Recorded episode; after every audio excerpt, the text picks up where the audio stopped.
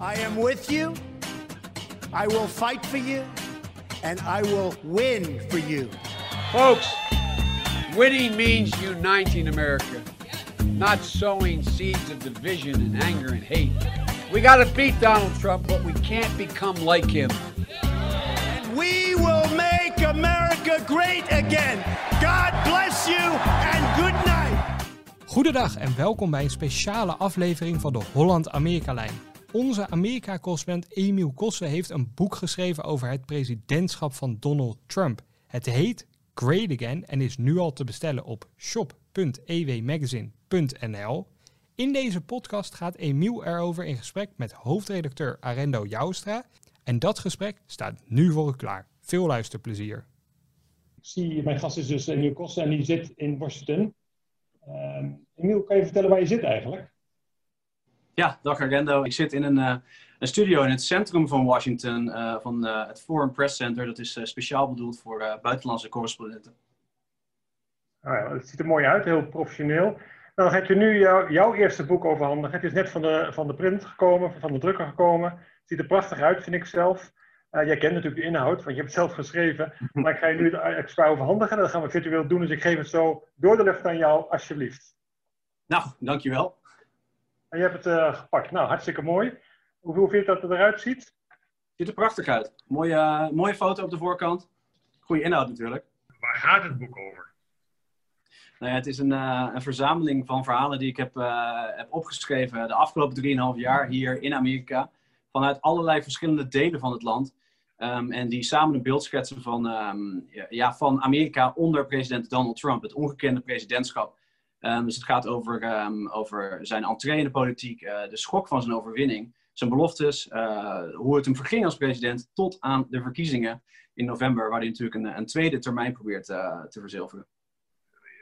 Ik heb al je verhaal natuurlijk gelezen, maar, maar die, die Trump was zo'n schok eigenlijk in Amerika. Is het land een beetje gewend aan, aan de president? Poeh. Het ligt een beetje aan waar je je bevindt in de Verenigde Staten. Um, in Washington is het antwoord nee. Um, veel van de kijkers zullen weten dat Washington uh, een zeer links, linkse stad is. Uh, 95% van de mensen uh, stemde hier niet op Donald Trump in 2016. En dus was er veel weerstand. de dag na de inauguratie um, stonden hier een half miljoen mensen te protesteren tegen de nieuwe president. En die weerstand is eigenlijk alleen maar toegenomen. Um, elke keer als Donald Trump in het nieuws is, reageren mensen hier boos. Stevast boos. Um, gelukkig is dat niet zo erg in, uh, in veel andere delen van het land. Um, er was wel verbazing over de overwinning van Trump. Ook veel van zijn aanhangers hadden dat niet verwacht. Maar um, op veel plekken waar ik ben geweest, kwam ik er wel achter dat, ja, er een soort gewenning ontstond na een bepaalde tijd. Dat uh, mensen weer teruggingen naar hun, hun, dagelijks leven. dan ging het in Washington bijvoorbeeld over een tweet van, van Trump, een lullige tweet, of over iets in het Ruslandonderzoek, dat dan volgens de kranten hier ja, misschien wel zou leiden tot het einde van Donald Trump. Maar uh, in een staat als pak uh, Ohio of uh, Nevada werd er dan helemaal niet over gesproken. En vertelden mensen dat ze het misschien niet eens, niet eens volgden, al dat nieuws. Dus volgens mij kan je dat zien als een soort gewenning um, aan de stijl van, van Donald Trump. Of het is een, een soort vermoeidheid. er is zoveel nieuws rond deze president dat mensen af en toe um, het even langs zich heen laten gaan. Ja, dat schrijf je ook in je boek. Hè, wat, wat wij in Nederland een grote opwinding is. en iedereen over spreekt hier dan uh, in een klein plaatsje in Iowa denken ze, uh, het zal wel, en valt het niet eens op. Dan krijg je natuurlijk een beetje een verwrongen beeld hier in Nederland. Ja, het beeld is heel erg um, ja, een, filter die, uh, die mensen in Washington en New York zien. Dat komt natuurlijk door de grote mediabedrijven die daar ook echt zitten. Um, en daardoor krijg je in Nederland dat beeld, terwijl inderdaad in landelijk Amerika heel andere dingen de boventoon voeren. Een beetje een soort voortbedurend op dit punt. Hoe, hoe beoordelen Amerikanen Trump? Nou, de statistieken laten zien dat Trump een impopulaire president is. Um, hij krijgt zo tussen de 40 uh, en 45 procent van de mensen achter zich. Um, het opvallende is dat die 40 procent wel heel positief over Trump is. Uh, is een idolaat van hem, heel trouw aan hem. Uh, daar is één duidelijke reden voor. Um, Trump heeft sinds zijn verkiezing systematisch belofte na belofte proberen in te lossen voor belangrijke groepen. Uh, de evangelische christenen zijn daarvan uh, het, het, het, hoofdvoorbeeld. Uh, daar, um, die kregen vice-president Mike Pence. Die kregen twee en straks misschien drie conservatieve hoge rechters. En Trump deed dingen als het verplaatsen van ambassade in Israël van Tel Aviv naar Jeruzalem. maar hij doet ook andere dingen, een, belastingverlaging voor ondernemers. En mensen die tegen ongebreidelde immigratie waren, konden tevreden zijn met een, een deal die die sloot in Mexico. Waardoor asielzoekers hun procedure moesten afwachten aan de andere kant, in Mexico dus. Um, is ook een hele hoop niet gelukt. denk maar eens aan zijn belofte om de steenkoolbanen terug te krijgen. Maar zelfs dan was Trump wel een vocale strijder voor ze. En ehm, ik denk dat dat ook een beetje ehm, de takeaway is na vier jaar Trump. De 40% mensen die hem steunen, die voelen echt alsof er een strijder in het Witte Huis voor ze zit. Uh, de andere 60% die, uh, die volgt echt al die onderzoeken naar Trump, al die aanvallen op Trump. En die hebben juist veel meer een afkeer van hem vergeleken met, met vier jaar geleden. Maar ja, opvallende wijze is die, die groepen die zijn dus niet echt veranderd. Het is nog steeds 40, 45, 55%, 60% tegen hem. Het gaat om die 20% dan? Ja, er zijn natuurlijk een aantal mensen die zeggen: Trump is misschien geen geweldige president, maar kunnen alsnog wel op hem stemmen, omdat ze hem beter vinden dan Joe Biden. Dat is natuurlijk ook nog een ding. En we weten dat ongeveer 10% van de mensen uh, daadwerkelijk, 10% van de kiezers daadwerkelijk nog twijfelt tussen de twee kandidaten. Het kan echt. Ja, je ziet vaak in Nederland dat uh, mensen niet zozeer terugkijken bij verkiezingen, maar vooruit. Dus al die dingen die hij bereikt heeft voor zijn eigen kiezers, uh, speelt nog een rol of heeft hij een nieuwe troef om de verkiezingen te winnen? Nee, Trump kijkt heel erg achteruit. Uh, hij probeert zelfs uh, het coronavirus eigenlijk een beetje te vergeten, te doen vergeten. Hij heeft het over de geweldige economie die, die hij voor elkaar kreeg voordat het coronavirus toesloeg. En dat gebruikt hij dan als argument om te zeggen dat hij moet worden herkozen, zodat hij ja, nadat dat het coronavirus verdwenen is, die economie weer heel snel op gang kan krijgen. Um, Joe Biden die kijkt eigenlijk ook terug. Die zegt, we, moeten, we moeten verder dan Trump. We moeten eigenlijk weer terug naar het Obama-tijdperk. We moeten weer terug naar een, een tijdperk met gewone politici... Die, die weten wat ze doen, die geen gekke tweets sturen... en die niet allerlei diplomatieke relletjes uitvechten. Het worden eigenlijk de verkiezingen van de achteruitkijkspiegel. Nee, het is wel een beetje het, het, het effect dat je misschien hebt... als je twee, twee vrij oude kandidaten hebt, dik in de 70 allebei. Ja, we gaan straks even kijken naar dinsdag, als natuurlijk het, debat is. Uh, je boek heeft als ondertitel Achter de schermen van Trumps Amerika. Kan je iets vertellen waar je achter de schermen bent geweest bij Trump? Ja, het idee was inderdaad om een paar episodes um, te beschrijven in het boek, waar je een inkijkje krijgt in hoe Trump het land bestuurt, hoe speciaal dat is. Um, een van de momenten is het bezoek van premier Rutte in 2018 aan Trump. Dat is zijn eerste bezoek. Je kan je vast nog herinneren, toen ging het over Rutte's no, recht in het gezicht van president Trump. Maar um, samen met collega Erik Vrijsen, Elsevierman in Den Haag, hebben we proberen te ontrafelen wat er achter de schermen werd verteld, waar er over, waarover werd overlegd. En um, nou, ik denk dat je daarvoor maar het boek moet, moet, moet aanschaffen en lezen. wat ik me wel kan vertellen over, um, over het bezoek van, van Rutte aan Trump, is dat het voor mij een van de paradoxen liet zien van het presidentschap van Trump. Uh, we werden als, uh, als journalisten het Oval Office inge, ingebracht. En uh, daar zat Trump. en die begon tegen ons aan te keuvelen, Amerikaanse small talk. totdat de, de ontmoeting officieel begon. En toen, toen sneerde die. Toen zei hij, the Dutch people bring real news. Als, ja, als sneer richting de Amerikanen die op dat moment net de kamer waren ingelopen. En voor, voor mij toont dat een beetje aan de paradox dat Trump aan de ene kant doet alsof hij heel erg tegen de media is. fake news dit, fake news dat. Maar aan de andere kant uh, is die uh, historisch benaderbaar voor uh, journalisten. Hij geeft elke dag interviews in de tuin van het Witte Huis. Kan je hem gewoon aanspreken. En um, ja, dat laat volgens mij zien dat hij donders goed weet dat hij de media hartstikke hard nodig heeft om, om te overleven. Ja, je noemt het een paradox, maar het zijn eigenlijk twee kanten van dezelfde medaille. Dus hij, hij in het openbaar probeert hij stemmen te winnen en zijn kiezers te pleasen door af te geven op de media. Maar gewoon als de camera's niet aanstaan, dan is hij super aardig en, en gebruikt hij de media. Hij belt ook volgens mij regelmatig met journalisten van de New York Times, die natuurlijk de grote, zijn tegenstander als groot tegenstander beschouwt. Ja, dus zo. Hij is, uh, het is bekend dat hij goede vriendjes is met uh, Maggie Haberman. Dat is een, uh, een van de bekendste journalisten van de New York Times. En dat zo, zo werkt hij. En zo werkte hij ook al als, als zakenman. dat is precies wat je, wat je zegt. Het heeft twee, twee zijden van dezelfde, van dezelfde medaille. Ja, en het is ook opvallend wat je zegt dat hij dus juist ja, vroeger was een persconferentie van een president iets bijzonders. Daar bleef je voor wakker of daar stond je voor op. En nu per tweet weet je waar hij mee bezig is en wat hij gaat doen. Ja, per tweet uh, kondigt hij soms beleid aan. zoals destijds zijn terugtrekking van Amerikaanse troepen in Syrië. daar wist niemand van, zelfs het Pentagon niet, zelfs de generaal niet, die op dat moment in Syrië de troepen aanvoerde. dat zijn andere tijden inderdaad. Maar het kan dus ook zo zijn dat Trump uh, de briefing room inloopt in het Witte Huis. Uh, dat deed Obama niet zo vaak. Uh, Trump doet het wel af en toe en dan, ja, dan begint hij gewoon nieuws te verspreiden. er zit een methode achter, denk ik, maar af en toe zegt hij ook dingen die hij helemaal niet moet zeggen. Dus ik weet ook niet zo goed hoe, hoeveel hij erover nadenkt. Maar inderdaad, zijn, zijn, zijn band met de media is, is totaal anders.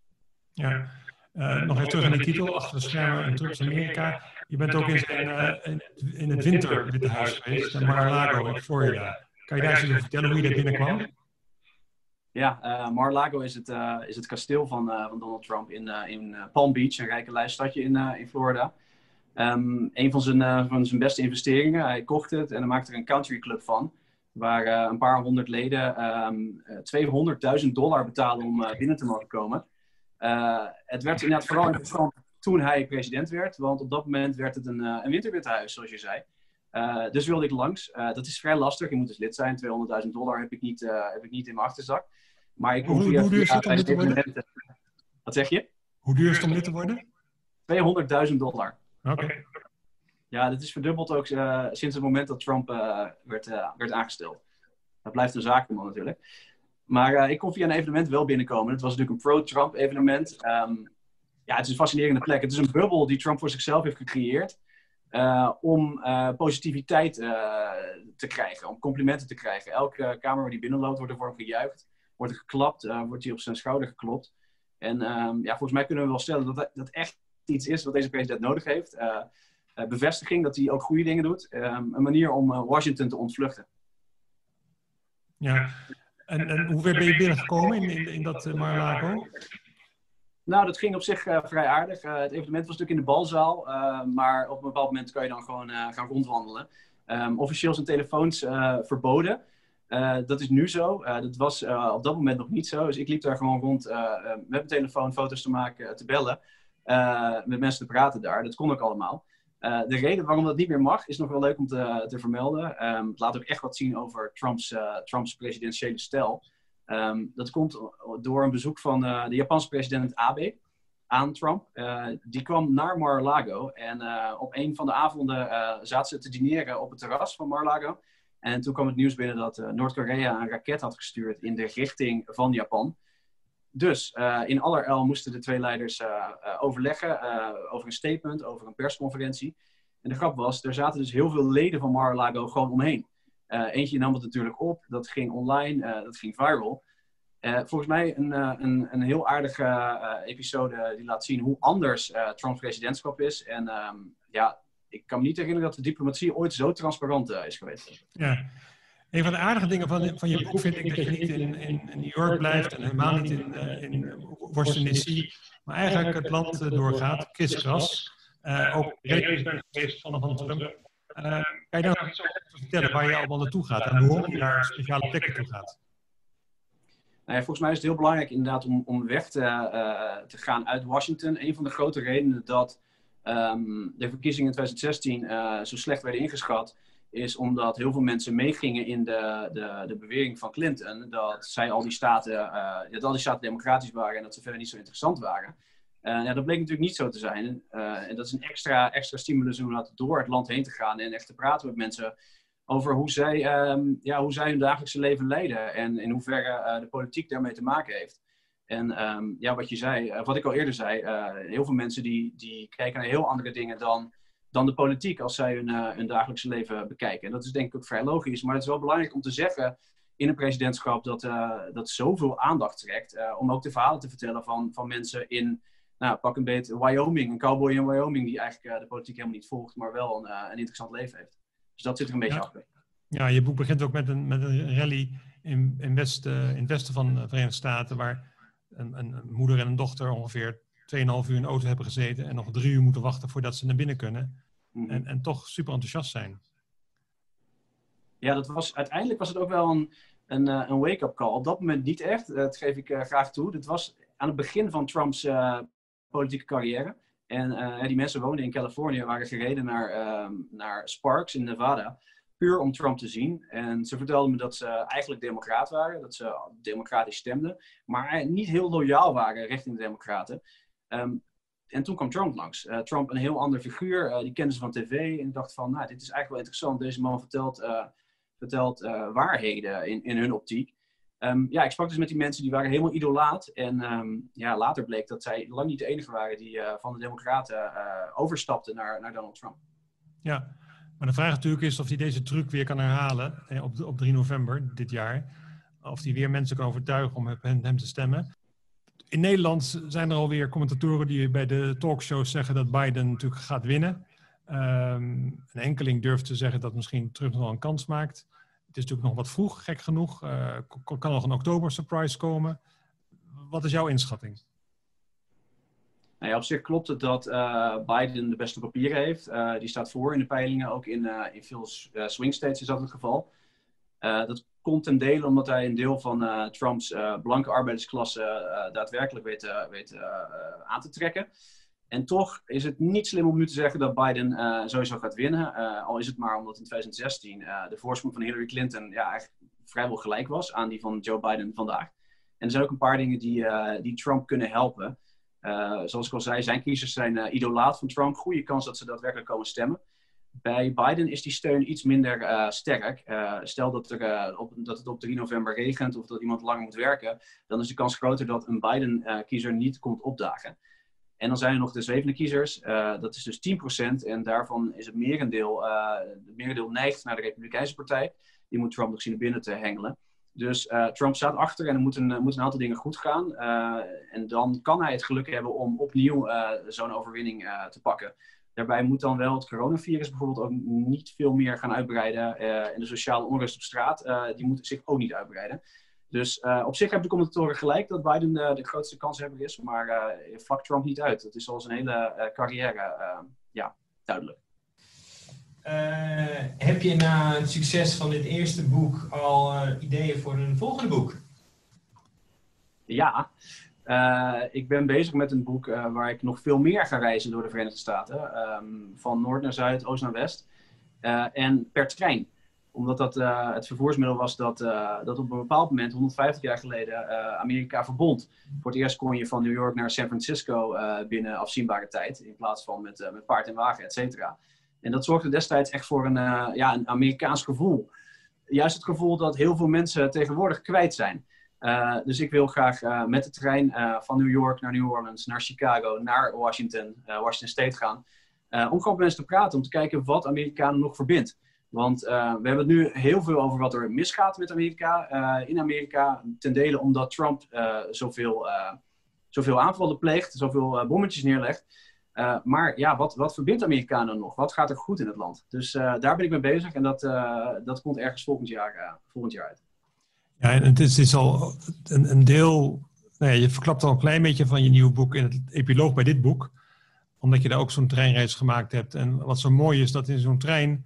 Um, wij zien natuurlijk in Nederland vooral de enorme grote clashes tussen de Democraten en, en de Republikeinen. En de, de, polarisatie. Maar zodra je in zo'n trein zit, maar ook als je, zoals jij, kriskras door het land gaat. dan merk je toch op lokaal niveau dat, dat er goed wordt samengewerkt, vaak ook tussen beide partijen. Ja, als je kijkt naar uh, gemeenteraden bijvoorbeeld, het equivalent ervan, dan is inderdaad minder, uh, zijn er minder gevechten. Um, op staatsniveau is het alweer iets, uh, iets harder tegen hard in, in, de, in de staatsparlementen. Um, wat er vooral aan die trein voor mij interessant was, is dat de barrière tussen mensen een beetje werd weggehaald, omdat de telefoons uitvielen. Um, in die reis waar je het over hebt, ging van Chicago naar San Francisco. En een uurtje nadat je Chicago uit bent, valt je telefoon uit. Um, ja, en dan, dan rest dus alleen nog maar praten met je medemensen. En dat gebeurt misschien niet zoveel meer tegenwoordig. Uh, tegenwoordig zitten mensen liever in een, in een bubbel op Twitter of waar dan ook. En dat was dan een van de plekken waar dat, waar dat wel zo was. En dat was de belangrijkste aanleiding om, het, om dat boek te gaan schrijven. Dus zeer gefeliciteerd met je boek. Het ziet er prachtig uit. het is uiteraard te koop, zeggen we erbij. Um, ik wens je heel veel succes de komende weken, want het wordt natuurlijk heel spannend. Ehm, Heel veel dank. Al die debatten ook volgen. En natuurlijk dan 3 november. En dan hopelijk is er een heldere uitslag. Daar is iedereen bij gebaat. Ik zie u graag weer terug bij een volgende live event. Uh, graag tot, tot dan. Hartelijk dank voor het luisteren naar deze speciale podcast. Het boek van Emiel is te bestellen op shop.ewmagazine.nl. Volgende keer zijn we terug met een normale podcast. Natuurlijk over de superspannende verkiezingsrace. Vergeet u niet te abonneren, dan ziet u die aflevering vanzelf verschijnen. Graag tot dan.